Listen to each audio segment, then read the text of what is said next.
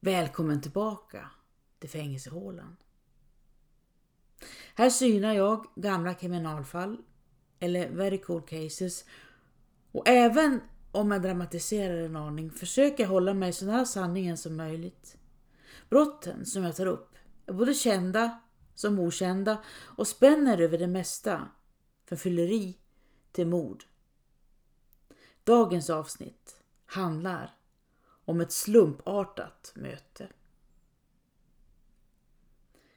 Måndag morgon den 23 april 1860 lämnade bondsonen Erik Eriksson sitt hem i Långviken i Björna, lite nordväst om Örnsköldsvik. En väska hängde i ett band över hans axel. Erik skulle fylla 14 år om några veckor och nu hade han fått ett förtroendeuppdrag. Kanske sitt livs första. Han skulle gå bort till nämndeman Johan Sällström som bodde i Nyliden och betala en sockengäld. En skuld till församlingen. Avståndet mellan Långviken och Nyliden är drygt en mil fågelvägen.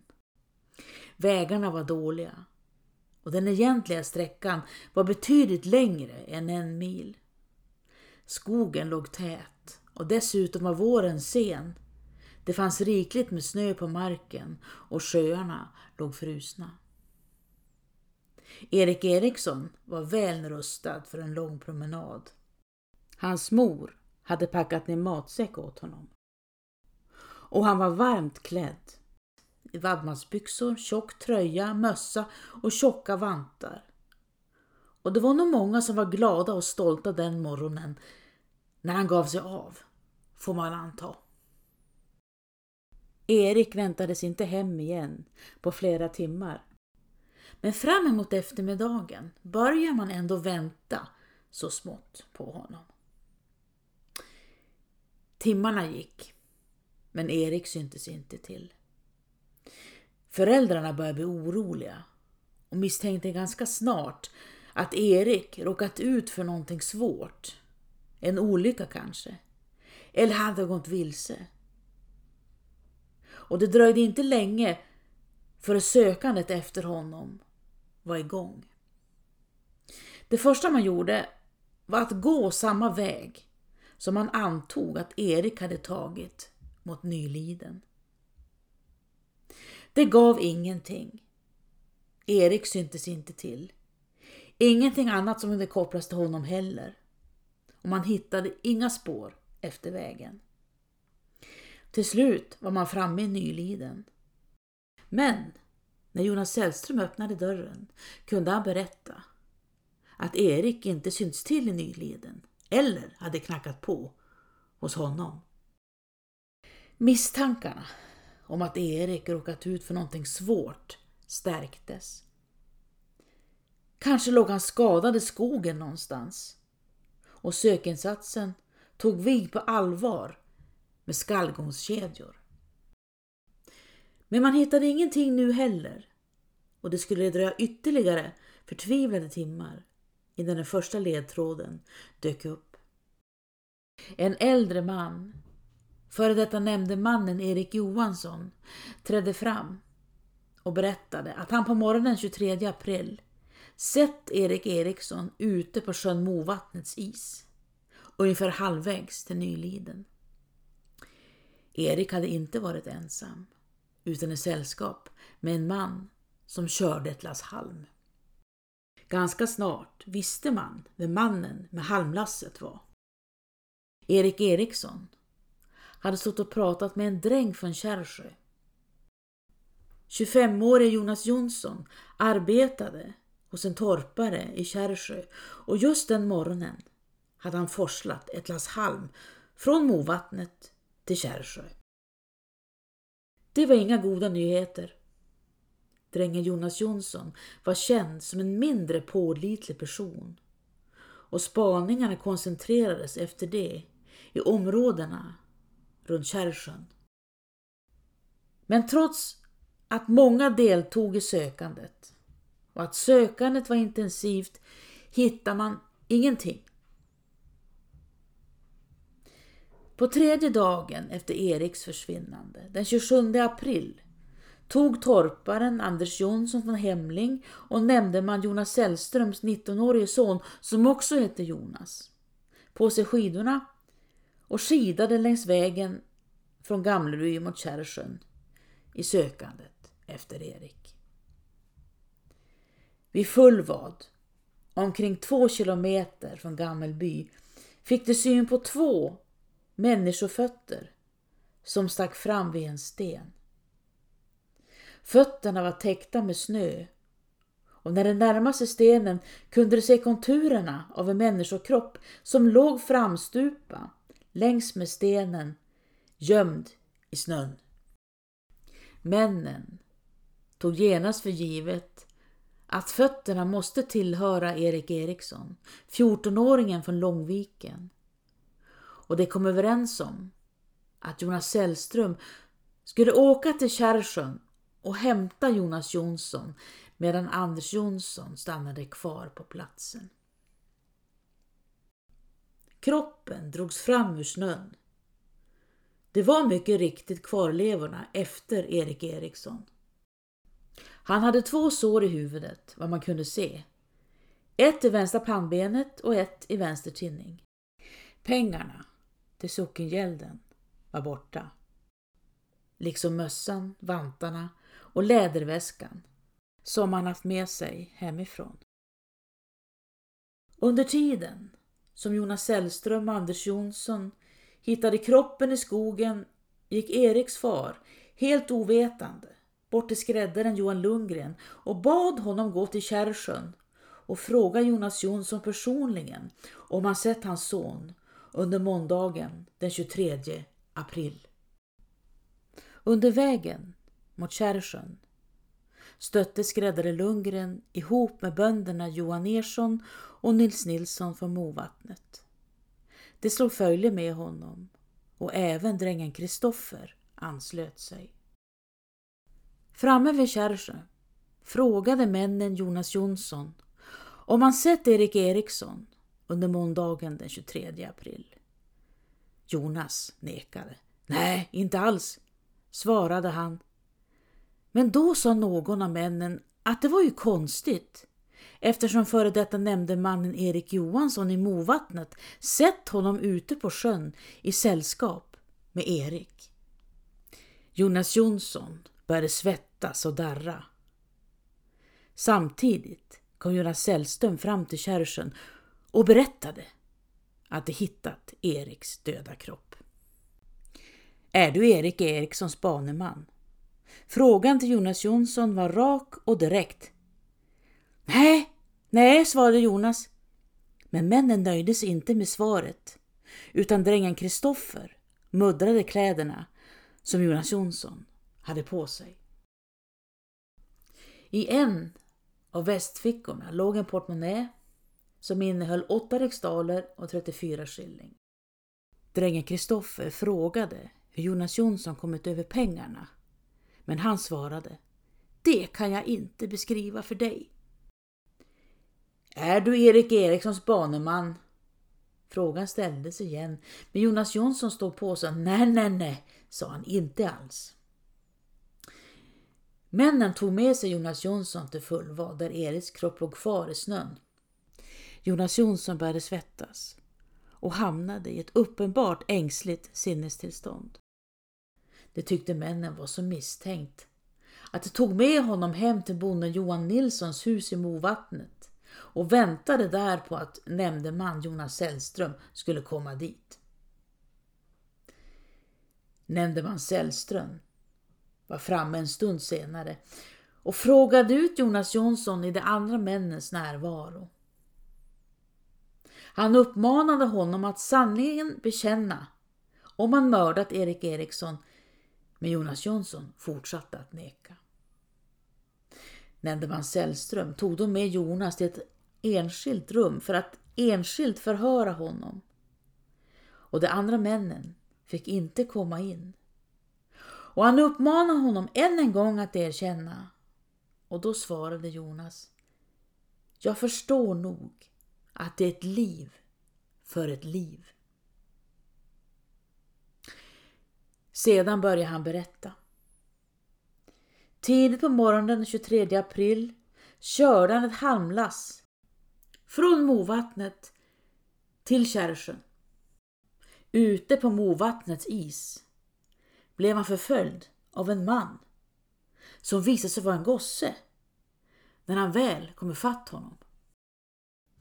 Pojken berättade att han var på väg till Nyliden för att betala sockengälden hos nämndemannen Jonas Sällström och undrade om han kunde få åka med en bit.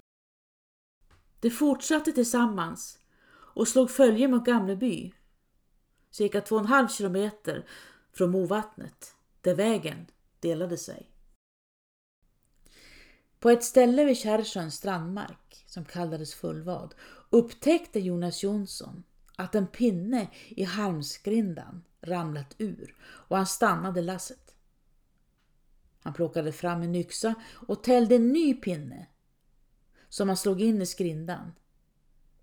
Och med yxan liggande mot vänster axel satte han igång hästen igen.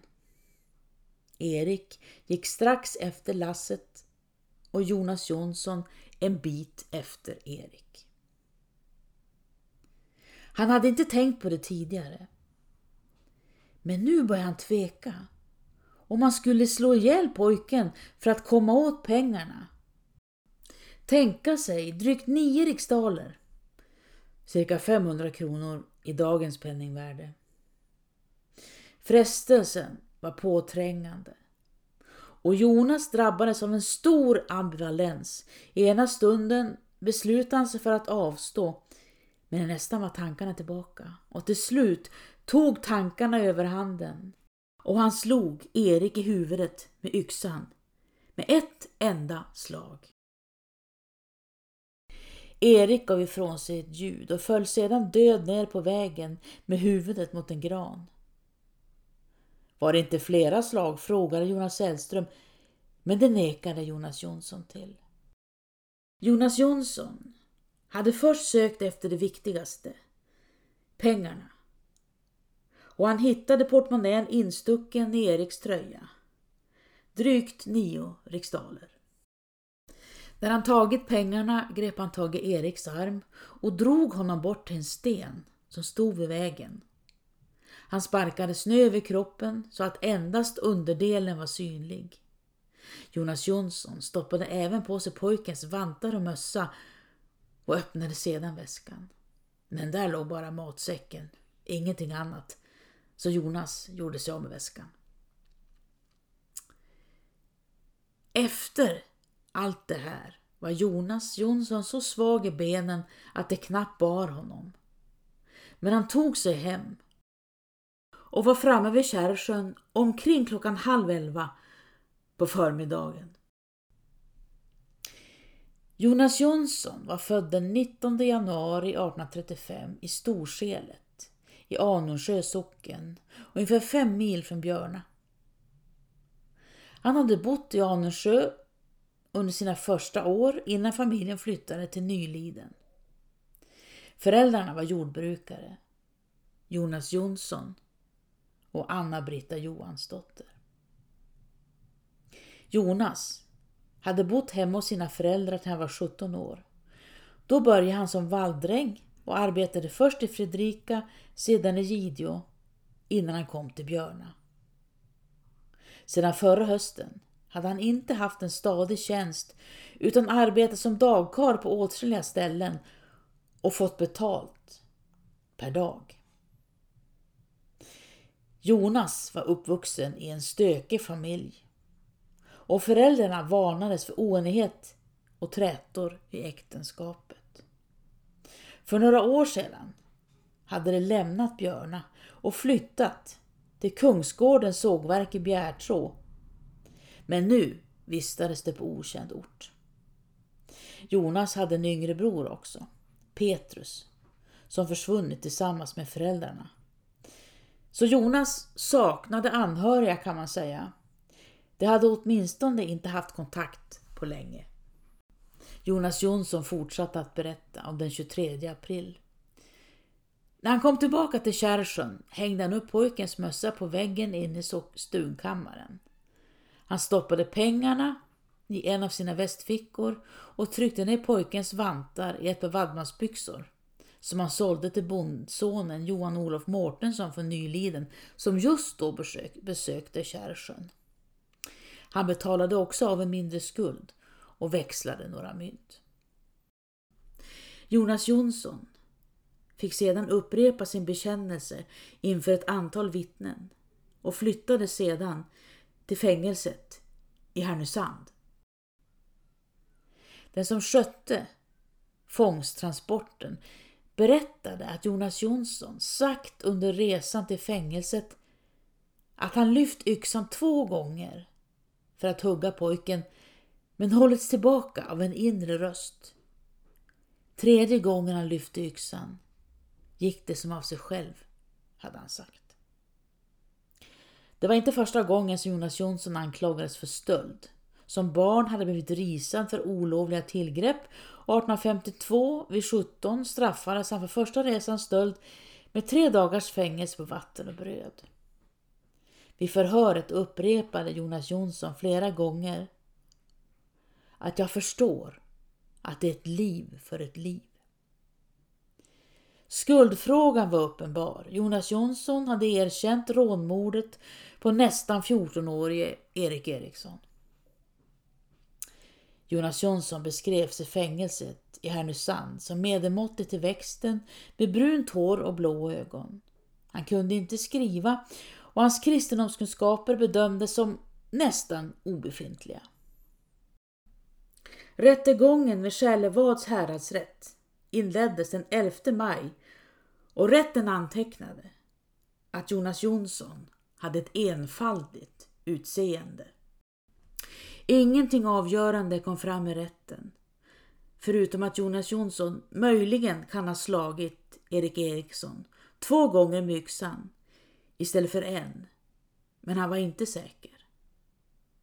Dagen därpå avslutades förhandlingarna och Jonas Jonsson dömdes till döden för mord. Domen prövades av hovrätten och Jonas Jonsson ansökte om nåd från dödsstraffet hos Kunglig Majestät Karl XV. Men samtliga instanser förblev kallsinniga mot honom och sista domen, eller sista avslaget, klubbades den 11 september. Beredelsen inför döden tog sin början. Enligt fängelsets anteckningar hade han visat gott uppförande under fängelsetiden.